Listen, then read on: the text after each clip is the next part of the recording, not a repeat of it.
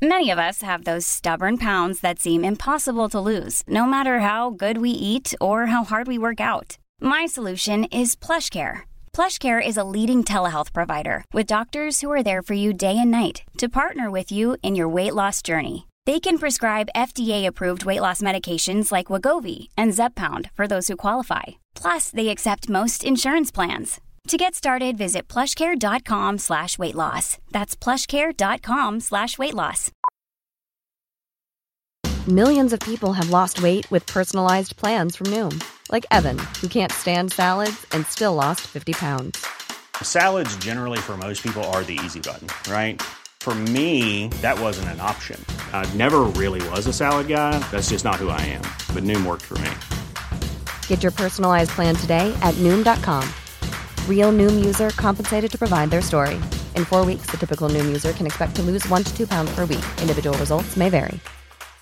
This is Paige, the co-host of Giggly Squad, and I want to tell you about a company that I've been loving, Olive and June. Olive and June gives you everything that you need for a salon quality manicure in one box. And if you break it down, it really comes out to $2 a manicure, which is absolutely insane. It's also so easy to get salon worthy nails at home with Olive and June. The difference between how your nails used to look when you did them yourself and now with the Manny system is a complete game changer. The best thing about Olive and June too is it's a quick dry. Dries in about one minute, lasts for five days, and full coverage in up to one to two coats. Visit oliveandjune.com slash perfectmani20 for 20% off your first system. That's oliveandjune.com slash perfectmani20 for 20% off your first system.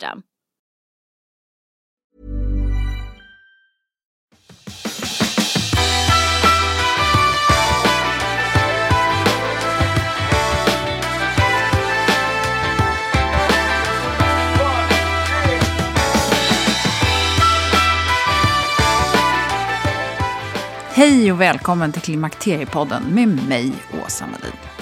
Vi närmar oss avsnitt 100 och poddens första avsnitt publicerades för två år sedan.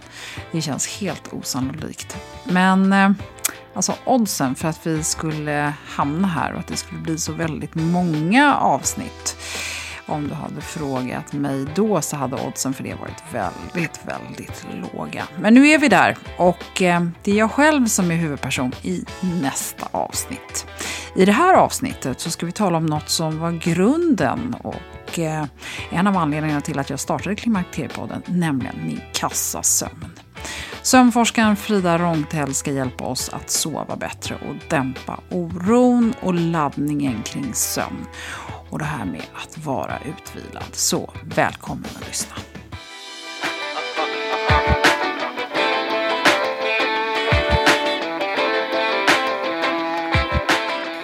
Frida Rångtell, hjärtligt välkommen tillbaka får jag säga till Klimakteriepodden.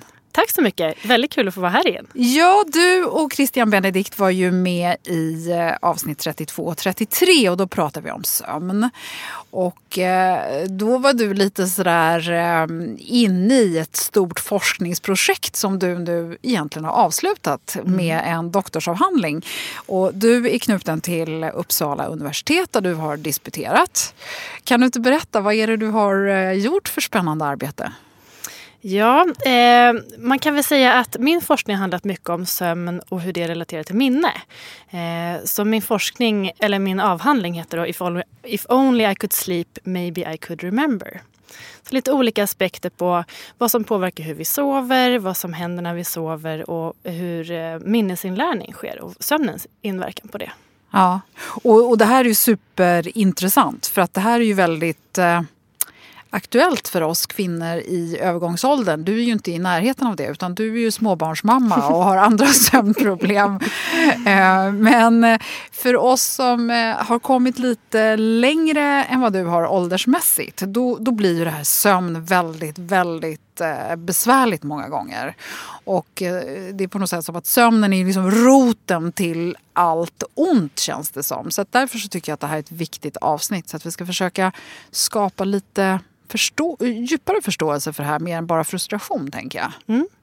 Eh, och, och då kan vi inte börja där. Varför är det så laddat? Varför är sömn så laddat? Ja, det kan ju såklart finnas olika eh, orsaker till det. Men jag tror en viktig sak är att sömnen är så viktig för oss. Vi vet ju alla hur det känns när vi har sovit dåligt en natt. Trötthet påverkar ju väldigt mycket hur vi mår dagen efter och hur man känner sig. Och har påverkan på psykisk hälsa och välmående och känsloprocessning och humör och så vidare. Och om det inte är på topp, då känner vi oss direkt eh, ganska utslagna. Mm. Så att kunna sova bra är ju roten till att kunna må bra också. Och sam, samma sak att om vi inte mår bra då påverkas ju sömnen ofta väldigt snabbt. Så att det finns en stark sammanlänkning där. Ju, och vakenhet är ju också, eh, vad ska man säga, sömn och vakenhet är ju två saker som vi spenderar väldigt mycket tid med. Så att, att säga att vi mår bra när vi vaknar det är minst lika viktigt som att få bra när vi sover. Finns det liksom någon, kan man säga så här, det här är god sömn? Ehm, jag skulle säga nej faktiskt. För att det finns stora individuella skillnader. Eh, men såklart, vi har, det finns vissa riktlinjer som säger att ja, om du sover ungefär så här så är chansen att du ska må bra större. Eh, men man ska komma ihåg att det finns stora individuella skillnader. Sömnen förändras med åldern. Vi sover ganska olika på olika delar av jordklotet. Och det finns inte någon riktig konsensus om vad exakt så här ska du sova för att du ska må bra. Och sen så är det också så att sömnen är väldigt intressant. Det är mycket som vi inte vet kring den. Eh, att studera sömn kan vara både väldigt spännande men också väldigt svårt. För att du vill ju kunna studera sömnen så bra som möjligt så du kanske kopplar på såna elektroder på huvudet när man sover. Men samtidigt så vill du inte väcka personen. Mm. Så att om du har för mycket utrustning och för mycket mätsaker som du har när du ska sova då kan ju det göra att du sover sämre. Mm. Och också om du sover i en ny miljö, kanske i en söm, ett sömnlabb och så vidare.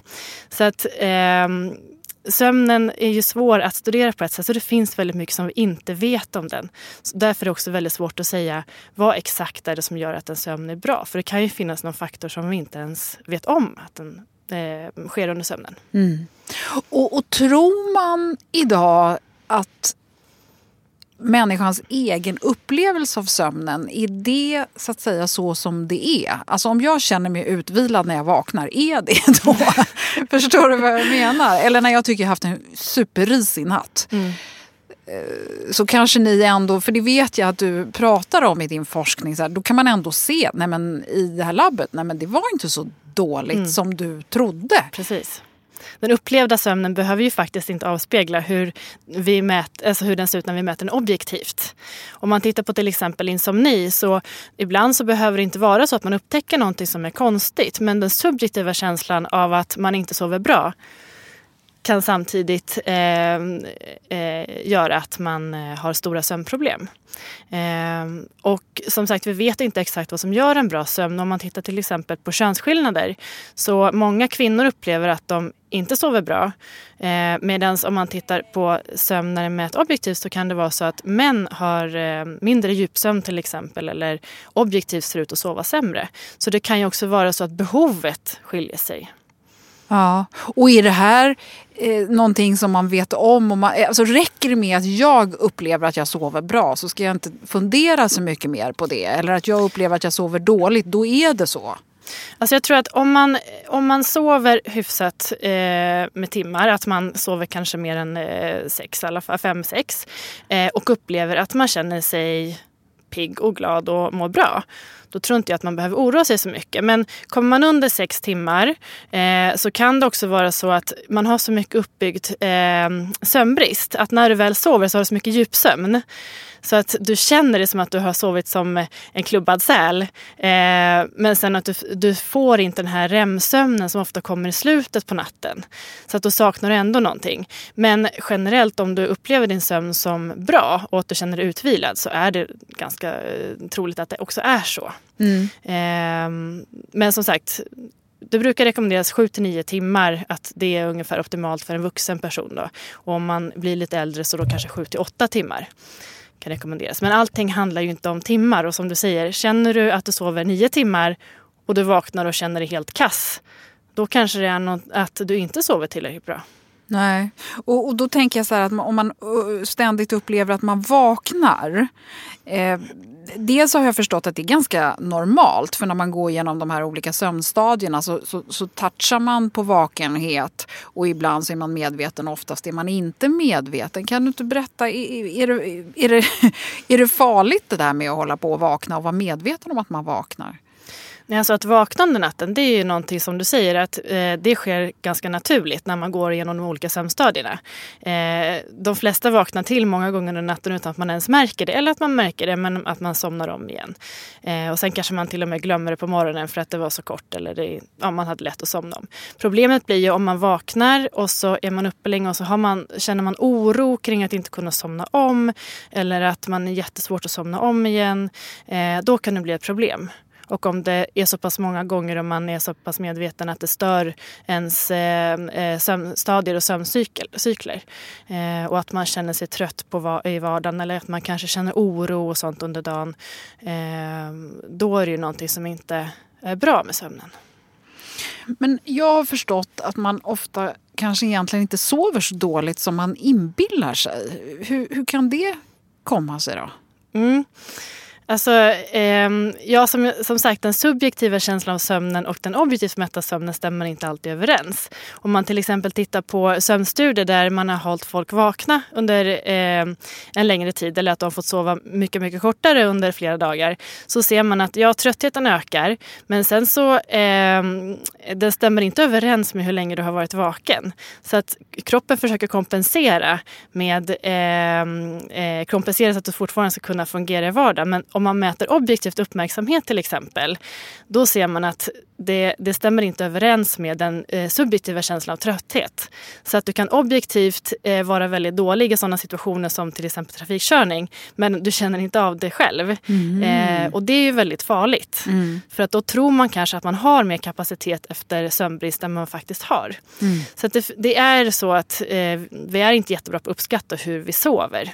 Och framförallt tror jag att om man oroar sig mycket över sömnen och att den ska vara på ett visst sätt och så tror man inte att man sover så eller man känner mycket oro kring sömnen. Eh, då kanske det är större risk att man då upplever sömnen som sämre än vad den faktiskt är. Det finns ju numera massor med olika eh, sömnappar och det finns eh, olika typer av eh, klockliknande varianter och så för, just för att mäta sömnen. Är det någonting att rekommendera tycker du? Eh, generellt så tror jag att vi vet lite för lite kring eh, hur de där ska användas på ett bra sätt för att det ska kunna gynna sömnen. Men, men jag skulle tro att det handlar om vilken inställning man har till att använda sådana där typer av ehm, eh, eh, funktioner. Så om man, jag tror att om man använder det på ett sätt så att man ehm, upplyser sig själv om hur mycket man faktiskt sover, hur mycket tid man spenderar i sängen, eh, vilka faktorer som gör att du sover bra en natt och att det kanske är någonting som du märker med tid att varje gång jag har gjort så här då sover jag bra eller varje gång jag gjort så här så sover jag mindre bra under natten. Då tror jag att det kan bli ett ganska bra verktyg för att eh, man ska bli medveten om effekten på eh, sömnen och ens egen sömnhälsa. Eh, men jag tror att det också hos vissa individer kan snarare leda till att man blir stressad. Vad innebär det egentligen att jag har eh, att den här appen säger att jag har för lite djupsömn eller vad det nu kan vara eller för dålig sömnkvalitet. Eh, och då kan det leda till oro istället, att man tror att det är någonting som är fel. Mm. Det jag tänker är att eh, om den säger att du har en viss procent djupsömn till exempel så behöver inte det stämma överens med våra mätmetoder som vi oftast använder i våra forskningsstudier eller i klinisk eh, verksamhet. Du menar att, att verktygen när de här apparna kan vara lite för trubbiga? Ja, precis. Så, eh, man får inte ta det, det för allvarligt nej, om man väljer gäller, att göra det här. Exakt, när det gäller vilket sömnstadie man är i så det är svårt att mäta. Eh, och det är därför som vi använder till exempel elektroder på huvudet för att mäta sömnstadier och så vidare. Vi ska komma in lite mer på det här med kvinnor och, och sömn och klimakteriet och, och hormoner och så vidare. Men en sak som jag är nyfiken på är ju, man talar ju mycket idag om mindfulness och meditation och andra typer av, av avkoppling så att säga under dagen. Kan eh, det vara ett sätt att kompensera för dålig nattsömn och hur ska man i så fall göra? Ja, alltså jag tror absolut att avslappningsövningar och mindfulness kan vara en väldigt bra väg att gå för att komma åt en bra nattsömn.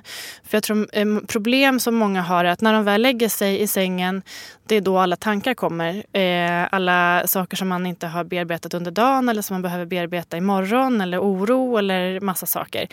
Och att komma till bukt med att då kunna slappna av i en sån situation. Och faktiskt, för slappna av är det som liksom krävs för att kunna somna.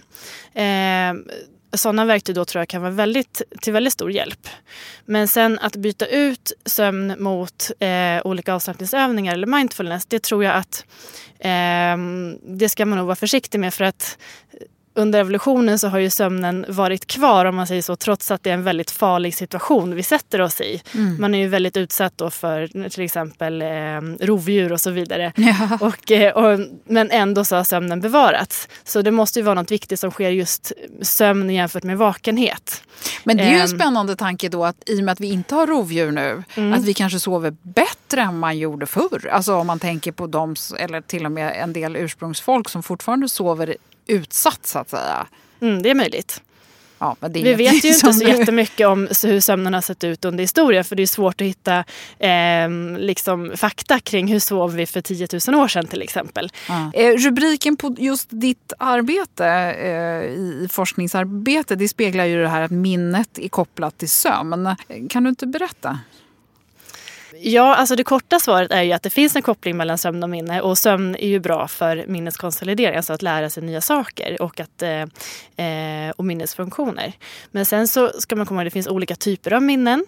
Eh, när vi eh, interagerar med världen så använder vi många olika processer i hjärnan samtidigt. Det kan vara att man motoriskt rör sig, man går ner för gatan till exempel. Eh, det är ett typ av minne kan man säga. Och sen så att man är i en Ehm, en miljö, alltså det spatiella. Det här att där har jag ett hus till höger och så har jag ett hus till vänster och framför mig har jag en gata. Det är liksom då att man har en, en omgivning kring sig. Och det är också ett typ av minne om man tittar på den klassificeringen som vi oftast gör då. Ehm, och sen då komma ihåg kanske vad gjorde jag igår? Jag träffade en kompis och vi pratade om det här. Ehm, det är också ett typ av minne. Och de här minnena, sen finns det många fler också såklart, men de här minnena då påverkas av sömnen på olika, lite olika sätt. Men generellt så verkar sömnen vara bra eh, för de flesta typer av minnena. Eh, och det kan då till exempel vara att man lär sig någonting på kvällen. Som vi ofta har ett minnestest till exempel i våra studier. Och sen på morgonen så testas man på det här minnet, minnestestet igen och så ser vi vilken effekt som sömnen har haft på det här. Eh, och generellt så, för vissa typer av minnen så blir eh, man ofta bättre efter en natt med sömn jämfört med vakenhet. Och vissa minnen så stabiliseras eh, minnet snarare av sömnen att man då bibehåller samma eh, minnesprestation som kvällen innan mm. jämfört med att vara vaken.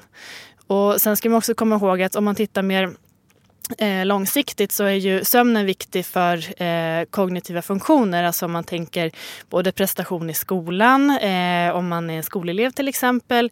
Men också hur eh, minnesfunktioner när man blir äldre. Alltså eh, ehm, minnesförlust och sånt där är ju eh, risken för det. Eller det finns en koppling mellan då försämrad sömn och minnesproblematik. Och om man tänker på den här klassiken eh, som händer mig ofta är att jag kommer in i ett rum och så kommer jag inte ihåg vad jag gör där. vad, vad, vad, är, vad är det för någonting? Ja, det är lite, kanske lite svårt att säga exakt vad det är för någonting. Men det är ju, jag kan tänka mig att det då har att göra med eh, arbetsminnet. Och arbetsminnet är kanske att hålla saker i huvudet. Det är ju det som vi använder, eh, korttidsminne kan man säga. Det som jag använder just nu. Och det kanske då sträcker sig några minuter. Att kunna planera, resonera, hålla saker i huvudet. Om man tänker en dator till exempel så har du korttidsminne, det som du har öppet just då. Mm. Det är ungefär samma sak kan man säga. Och då kanske det är det som då har påverkats just i den situationen när du helt plötsligt glömde bort vad du skulle göra. Och det kan man ju också säkert, framförallt många kvinnor vittnar om det just i, i klimakterieåren. Att man kanske sitter på jobbet och så plötsligt så har man ingen aning om vad man håller på med. Mm. Och det, det, det, här pratar man ju ofta om liksom stress också mm. i, i, sammankopplat med det här. När man, när, I din forskning, har ni liksom blandat ihop stress och sömn eller hur, hur ser man kopplingarna där? Eh, inte just i min forskning har jag inte tittat på stress men det finns ju en, absolut en koppling mellan eh, minnesfunktioner och stress och sömn. Eh, och stress är ju inte särskilt positivt, långtidsstress då är inte särskilt positivt för, för minnesfunktioner. Långtidssömnproblem är också kopplat nära till såklart hur man har det i vardagen och stress och så vidare. Så det finns en koppling där. Ja, alltihopa, liksom, alltihopa hänger ihop. Det är ju inte, liksom. ja, precis. Det är ju inte så att sömn är någonting enskilt utan allting hänger samman. Och tillsammans gör ju det, eh, skapar det vilken hälsa och vilket välmående vi har.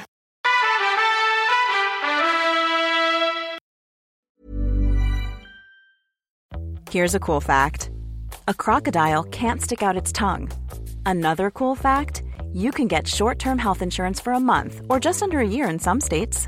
United Healthcare short term insurance plans are designed for people who are between jobs, coming off their parents' plan, or turning a side hustle into a full time gig.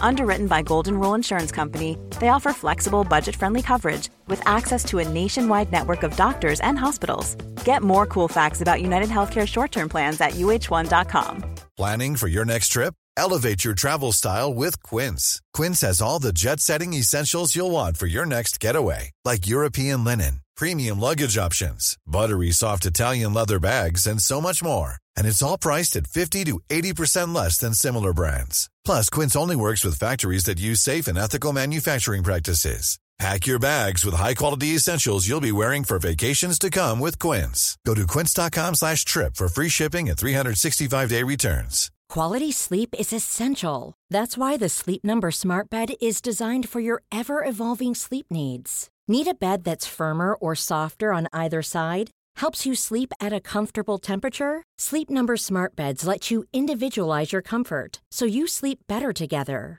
JD Power ranks Sleep Number number 1 in customer satisfaction with mattresses purchased in-store. And now, save 50% on the Sleep Number limited edition smart bed for a limited time. For JD Power 2023 award information, visit jdpower.com/awards. Only at a Sleep Number store or sleepnumber.com. Det är härligt att klimakteriets tabu äntligen är på väg bort. Vill man försöka klara sig utan hormonbehandling så finns nu många nya kosttillskott som lovar bland annat hormonell balans och som ska stötta brister. Jag vill lyfta min räddare i nöden, femarell.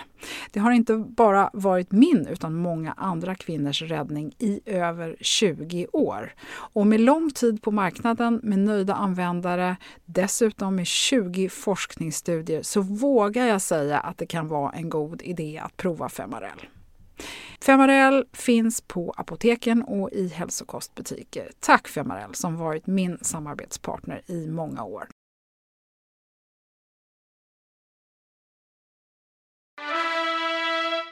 Vilka eh, hormoner är då intressanta och varför då ur eh, liksom just det här sömnperspektivet om vi nu försöker tänka på den här kvinnan som går igenom hormonella förändringar? Mm.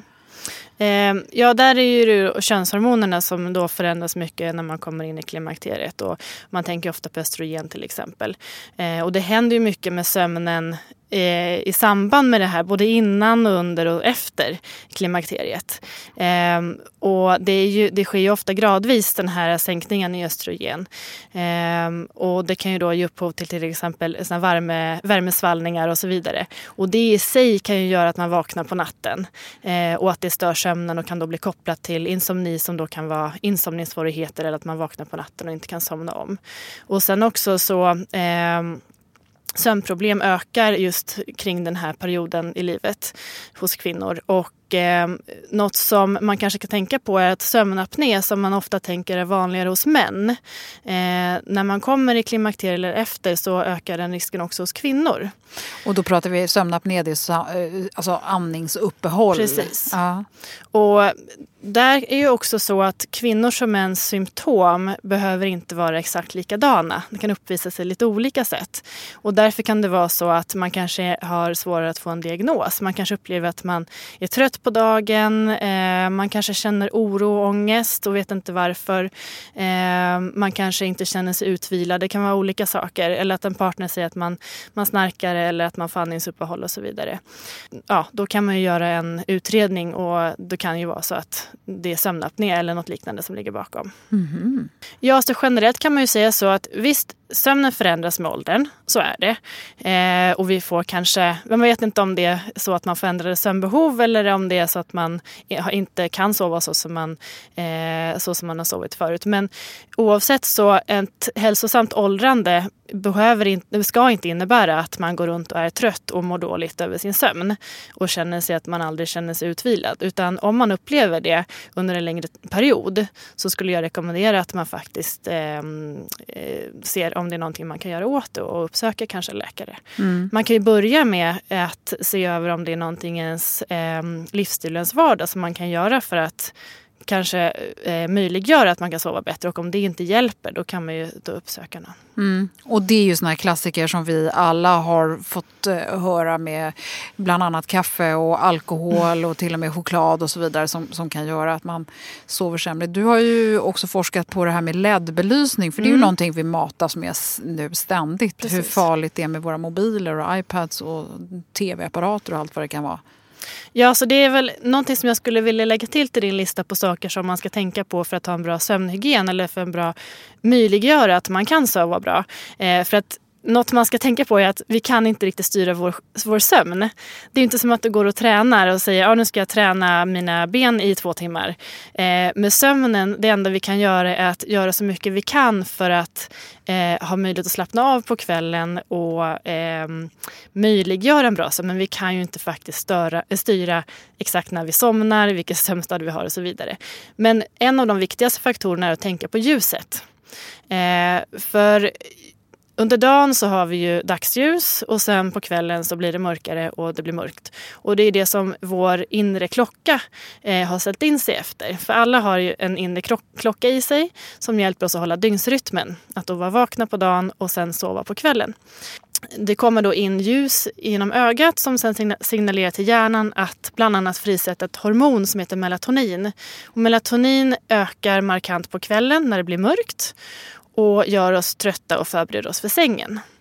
Ljus, å andra sidan, eh, gör att melatoninnivåerna minskar.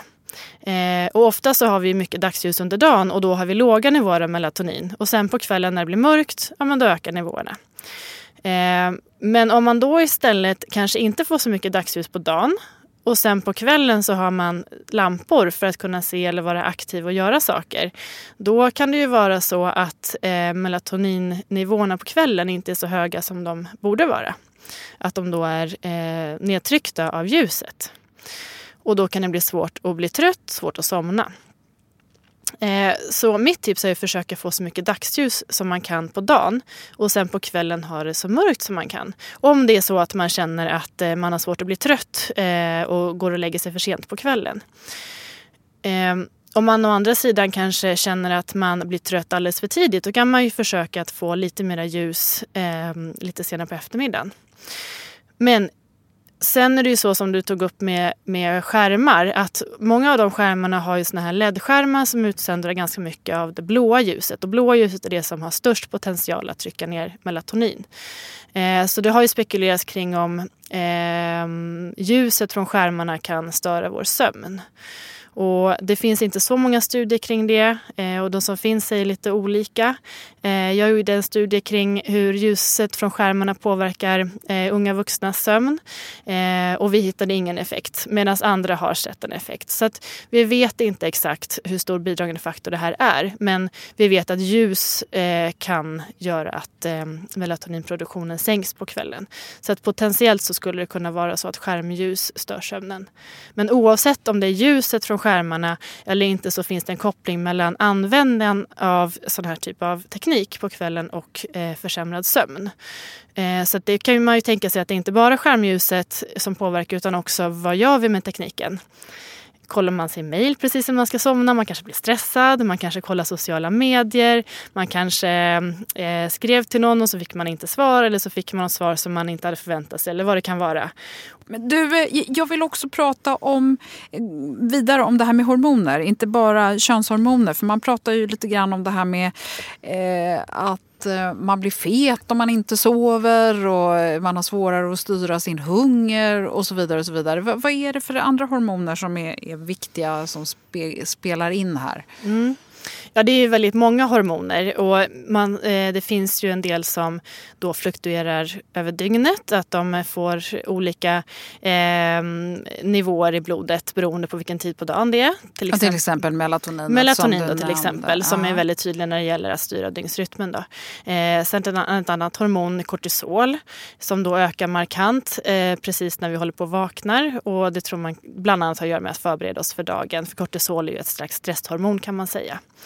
Eh, men sen också eh, när du pratar lite om övervikt och det, det finns ju hormoner som då gör oss hungriga eller mätta och har olika påverkan på hur mycket vi äter och så vidare och vad vi äter. Eh, och ett hormon som man har sett att det påverkas av sömnbrist bland annat är ju grelin, heter det eh, hormonet. Och det gör att vi blir hungriga. Ehm, och många studier, eller en del studier visar på att om du sover mindre så ökar nivåerna av grelin och det kan göra dig mer eh, hungrig. Eh, och man har också sett att sömnbrist kan öka risken för övervikt och det kan också då leda till ökning risk av diabetes och så vidare och andra sjukdomar. Ehm, så det verkar finnas en koppling där mellan... Och, och, om man nu sover dåligt och man dessutom håller på att gå upp i vikt hela tiden och misstänker att man har helt enkelt eh, svårare att kontrollera sin, sin hunger och sitt sug och så vidare på grund av sömnbristen. Mm. Finns det något man kan göra förutom... Alltså det här, för vi kommer hela tiden tillbaka till men fan ska jag göra mm, då? Jag kan precis. inte sova. Hur ska jag bete mig? Mm. Ja, alltså det är ju den svåra frågan vad ska man göra? Och eh, man kan ju som sagt försöka så mycket man kan att ha eh, att redan under dagen att man börjar förbereda sig för att man ska ha en så hälsosam livsstil som möjligt. Man försöker röra på sig, man försöker vara ute i, och få dagsljus. Och kan man inte vara ute kan man kanske sitta vid ett fönster och få dagsljus eller vad det kan vara. Och att man tänker på de sakerna, att man får en tydlig dygnsrytm. Och sen att man eh, då, som du säger med kaffe, att man kanske inte dricker kaffe för sent på kvällen. Man gör så mycket man kan för att få en så bra sömn som möjligt. Men, eh, och också då försöker att slappna av, att ha då som du säger, verktyg som man kan ta hjälp av på kvällen och på dagen för att både bearbeta sina känslor och, och um, sitt humör och också för att kunna slappna av på kvällen. För kan man inte slappna av och oroa sig, då är det ju väldigt svårt att somna. Eh, men upplever man att man har stora sömnproblem, ja, men då är det, eh, tycker jag att man absolut ska söka hjälp för det. Ehm, det här med under menscykel så varierar ju sömnen, eh, sägs det, eller har jag läst i alla fall. När man då väl hamnar i klimakteriet så går man ju först igenom en väldigt svängig fas och sen så eh, kan det då stabilisera sig på en, en viss nivå och sen till slut så, så att säga så, så planar ut och så kanske du är helt stabil. En del känner ju inte av det här överhuvudtaget men, men många känner ju av det väldigt mycket. Kan man så att säga trösta sig med att sömnen kommer bli bättre när hormonerna blir stabila? Eller finns det några belägg för de här liksom, faserna och den hormonella svängigheten och sömn? Lite svårt att säga, men man kan ju tänka sig att om liksom värmevallningar och sånt där som då kan bidra till att du har eh, försämrad sömn, om det lägger sig att du då har möjlighet att få bättre sömn. Men sen kan det också vara så att då när du väl, det här har pågått under lång tid så kan det också vara så att eh, sömnen har svårt att skifta tillbaka om man säger eh, till en bra sömn om du redan har haft problematik under lång tid. Så då kanske det ändå är svårt att eh, få förbättrad sömn utan hjälp. Vad jag vet så är det fortfarande vanligare med eh, att man upplever sömnproblem när man är äldre, även efter att eh, man har gått igenom klimakteriet. Och, och finns det några skillnader? Vittnar kvinnor och män om olika saker här? Ja, alltså just när det gäller sömn eh, vissa aspekter så verkar det finnas ganska, eh, en del könsskillnader. Eh, bland annat insomni då, som är väldigt mycket vanligare hos kvinnor än hos män. Mm. Eh, och framförallt då eh, när man blir äldre. Och något som är ganska intressant är att man får ju mindre djupsömn ju äldre man blir. Generellt om man tittar generellt. Eh, det verkar vara så att mäns djupsömn minskar mer än kvinnors djupsömn. Och att män kanske sover lite mindre än vad kvinnor gör eh, men att kvinnor kanske upplever sin sömn som sämre. Eh, sen så då vissa sjukdomar som jag nämnde med sömnapné till exempel. Eh, de, då tar kvinnorna i kapp då efter, eller runt klimakteriet eller efter klimakteriet då. Mm. För att eh, det kanske är så då att östrogen har någon slags skyddande verkan. Och sen då när man eh, inte har lika mycket östrogen längre så tar man i kapp männen liksom. Mm. Okej. Okay man upplever ju lite grann att kvinnor generellt sett är lite mer oroliga än män. Kan det ha att göra med att man kanske upplever att man sover sämre också? Ja, absolut. Eh, det finns ju en stark koppling mellan insomni och ångest till exempel. Och ångest och insomni är båda vanligare hos kvinnor än hos män.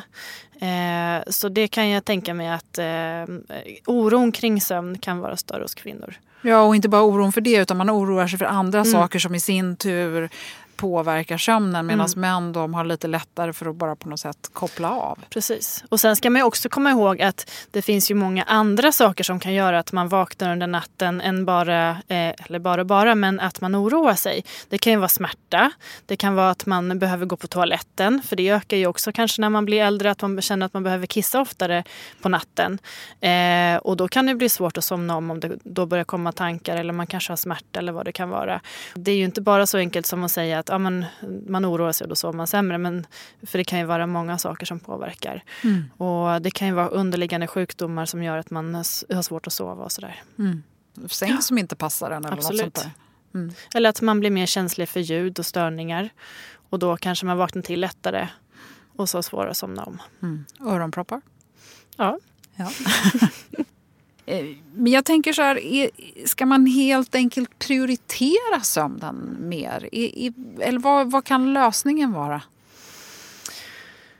Ja, det tror jag också beror på lite vad man upplever för problem. För att ett problem kan ju vara att man prioriterar för mycket. Att man eh, blir för orolig när man sover dåligt någon enstaka natt här och där och tror att nu är min sömn jättedålig och så blir man jättestressad och så får man problem. Eh, för att stress kring sömn, det hjälper ju inte så mycket då när man väl ligger och ska försöka somna. Nej, det blir bara man, ännu värre. Ja, Vet man, man att man måste sova, då sover man ju definitivt inte. Precis. Eh, och den stressen då när man ska sova, det hjälper ju inte. Så då Nej, kanske utan då är man... det stressverktygen som är ja. Eh, viktigare kanske. Och kanske istället tänka, ja nu sover jag, nu är det så här den här natten. Och så kanske det blir annorlunda nästa natt. Mm. Eh, om det är liksom en enstaka period eller eh, några enstaka dagar här och där. Eh, så är det ju liksom. Så är det ju livet generellt. Det varierar ju från dag till dag hur man, hur man mår och hur man känner sig. Och det kan ju vara likadant med sömnen. Eller man kanske har haft en jättestressig dag. Ja, då påverkar ju det sömnen. Så är det. Mm. Men sen om det pågår under lång tid. Det är ju då som man ska kanske se över vad man kan göra mer. Eh, och börja fundera på om man kanske ska ta hjälp eller så. Om jag får ta ett litet exempel från när eh, jag blev eh, först, eh, mamma till min dotter. så mitt första verktyg, eller mitt bästa verktyg var faktiskt att flytta ut klockan ur sovrummet. För att jag blev väldigt, väldigt stressad över att tänka oj, nu är klockan så här mycket och jag är vaken och så har det bara gått 40 minuter sedan jag vaknade senast och så blir man jättestressad över det istället för att finna sig i att just nu är det här en jobbig period och nu sover vi så här, då får jag ta igen det sen eller på dagen eller vad det nu kan vara om man känner att det finns många saker i ens livsstil som man skulle kunna ändra för att få en förbättrad sömn. Då kanske man ska tänka på att prioritera sömnen mera. Mm. Än att kanske och då sitta kanske och kolla också på som TV. du sa i, i början här att man kanske också ska på något sätt notera vad är det som mm. gör att jag sover bättre och vad är det som gör att jag Precis. gör föra någon form av sömndagbok kanske. Mm. Alltså om man säger så här att eh, aktivitet gör ju både när det gäller fysisk aktivitet, social aktivitet och mental aktivitet gör ju att det stimulerar hjärnan och stimulerar kroppen. Och gör du det, då kan det ju också vara så att du sover på ett annorlunda sätt sen när du sover. Då kanske du sover längre, du kanske sover djupare, kanske har lättare att somna och så vidare. Eh, och då kanske man kan tänka på att gör inte närmsta timmen innan man ska somna. Eh, för då kanske istället blir så att man blir uppe i varv. Men om man försöker göra sånt under dagen så tror jag att det kan ha väldigt stor positiv effekt på hur man sover. Och man kan ju tänka också på att alltså, alkohol kan ju kännas som att det gör att man somnar lättare. Eh, och det kan göra att man somnar lättare. Men det stör också sömnsammansättningen. Framförallt om man använder det under en längre period. Att man kanske tar, eh, dricker lite alkohol innan man ska lägga sig. Eh, så under långa loppet så kan det göra att det stör sömnen ganska mycket. Mm. Okej. Slutligen, hur... Ehm, vad tror du liksom om, om framtiden? Kommer, eh, kommer vi sova på ett annat sätt än vad vi gör idag? Kommer det bli annorlunda? Alltså, jag hoppas ju att samhället ska eh, anpassa sig mer till sömnen och dygnsrytmen. Att, för det, sömnen som sagt kan ju se olika ut hos olika personer. Eh, dygnsrytmen kan också se olika ut hos olika personer. Och när man försöker anpassa sig själv till eh, vissa sömn och vakentider eh, som kanske inte ens passar en själv, då tror jag att det kan bli problem faktiskt. Och jag hoppas att framtiden att samhället kan bättre anpassa sig till olika personers sömn och sömnbehov och dygnsrytmsbehov. Mm. Och här har vi ju ett jätteproblem med de som skiftarbetar ja. och som inte alls kan styra sina, sina mm. dagar. Det blir ju jättesvårt. Mm. Ja. Ja, nej men det låter ju som en, eh, en, en framtid som man ska eh, kanske hoppas på att den kan på något sätt eh, Eh, slå in. Eh, som sömnforskare, hur sömnfixerad är du? Eh, jag tänker väldigt mycket på hur min dag ser ut faktiskt. Jag tänker mycket på att se till att få dagsljus och se till att röra på mig under dagen och sådär. Ehm, även om det kan vara svårt ibland när man jobbar i kontor eller vad det nu kan vara. Men sen måste jag, ja, och med min dotter så är jag väldigt noga med hennes sömn och hennes, liksom, att hon har rutiner på när hon går och lägger sig och så vidare. För mig själv är jag inte alltid lika noggrann, tyvärr. Men jag vet i alla fall vad jag ska göra när, om jag känner att jag behöver ändra min sömn. Jag vet vilka verktyg jag kan försöka ta till. Ja. Men eh, det är svårt att få ihop det ibland när man ska hinna med allt man ska göra där sen när hon har somnat och sådär. Men eh, ja. ja. Spännande. Frida, är det någonting du vill lägga till innan vi avslutar? Um, nej, jag tycker att vi har kommit in på väldigt intressanta ämnen kring sömn. Det finns ju hur mycket som helst man kan prata kring det här. Um, och det finns ju mycket saker som vi har kvar att ta reda på. Och det är väldigt intressant. Men man ska också ha det i bakhuvudet att vi vet inte allting än. Uh, vi har inte alla svar. Nej. Men det låter som att eh, det finns inga enkla tricks heller utan eh, det här är fortfarande lite höljt i dunkel. Mm. Mycket ja. handlar ju om rutiner. Eh, för rutiner är ju väldigt bra för Så det bästa tipset det är helt enkelt rutiner och sen det här som vi har matats med. Vad som är bra eh, sömnhygien mm. så att säga. Det är inte helt lätt i Sverige med sol och dagsljus Nej. eller dygnsljus mm. tänker jag heller. Och där kan man ju kanske också vara lite tillåtande mot sig själv. Att ja, men det kanske är så att på hösten och vintern då sover jag kanske lite mer medan på sommaren då kanske jag sover lite mindre. Acceptera att det kanske kan få vara så. Om man inte upplever att det är ett stort problem såklart och att det blir alldeles för stora skillnader. Nej, men våga lita mer på sig själv hur man känner sig ja. helt enkelt. Och, och går man med långvarig sömnbrist då mm. bör man göra någonting åt det. Man Precis. ska inte gå runt och känna sig trött helt Nej. enkelt. Nej. Exakt. Nej, vad bra. Okej Frida, om man vill komma i kontakt med dig mm. så vi ska lägga upp någon, någon liten länk. Ja. Eh, så. Och jag vet nu att du också finns tillgänglig om man vill eh, höra dig som talare mm. och lite sådana här saker. Så vi ska se till att man kan komma i kontakt med dig. Jag är jätteglad för att du eh, kom här med, och din fina eh, avhandling. Jag hoppas att den kommer läsas av många många och att många kommer också förstå mer om det här med sömn tack vare dig. Jättekul att få vara med och att jag blev inbjuden till det här. Ja, tack.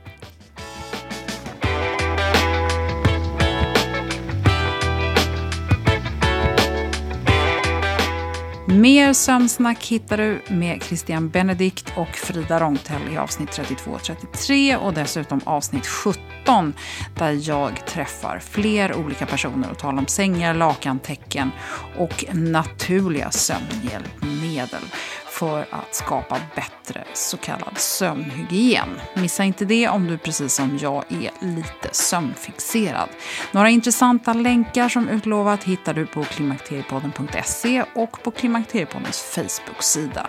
Och där, precis som på Instagram, så får du jättegärna följa Klimakteriepodden. Varför startade jag egentligen Klimakteriepodden? Vad har jag lärt mig under de här åren? Och framförallt, hur är det egentligen med mitt eget klimakterium? Ja, om du är nyfiken på det, så välkommen att lyssna på nästa avsnitt. Tack för nu och hoppas du är med snart igen. Hej då!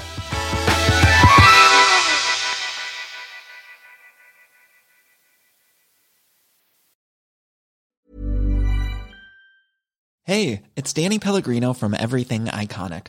Ready to upgrade your style game without blowing your budget? Check out Quince. They've got all the good stuff shirts and polos, activewear, and fine leather goods, all at 50 to 80% less than other high end brands. And the best part? They're all about safe, ethical, and responsible manufacturing. Get that luxury vibe without the luxury price tag. Hit up quince.com slash upgrade for free shipping and 365 day returns on your next order. That's quince.com slash upgrade. Hold up. What was that? Boring. No flavor. That was as bad as those leftovers you ate all week. Kiki Palmer here, and it's time to say hello to something fresh and guilt-free. Hello Fresh. Jazz up dinner with pecan-crusted chicken or garlic butter shrimp scampi. Now that's music to my mouth. Hello Fresh. Let's get this dinner party started. Discover all the delicious possibilities at hellofresh.com. Hey, it's Paige DeSorbo from Giggly Squad. High quality fashion without the price tag. Say hello to Quince. I'm snagging high-end essentials like cozy cashmere sweaters, sleek leather jackets, fine jewelry, and so much more. With Quince being 50 to 80% less than similar brands. And they partner with factories that prioritize safe, ethical, and responsible manufacturing. I love that. Luxury quality within reach. Go to quince.com slash style to get free shipping and 365 day returns on your next order. Quince.com slash style.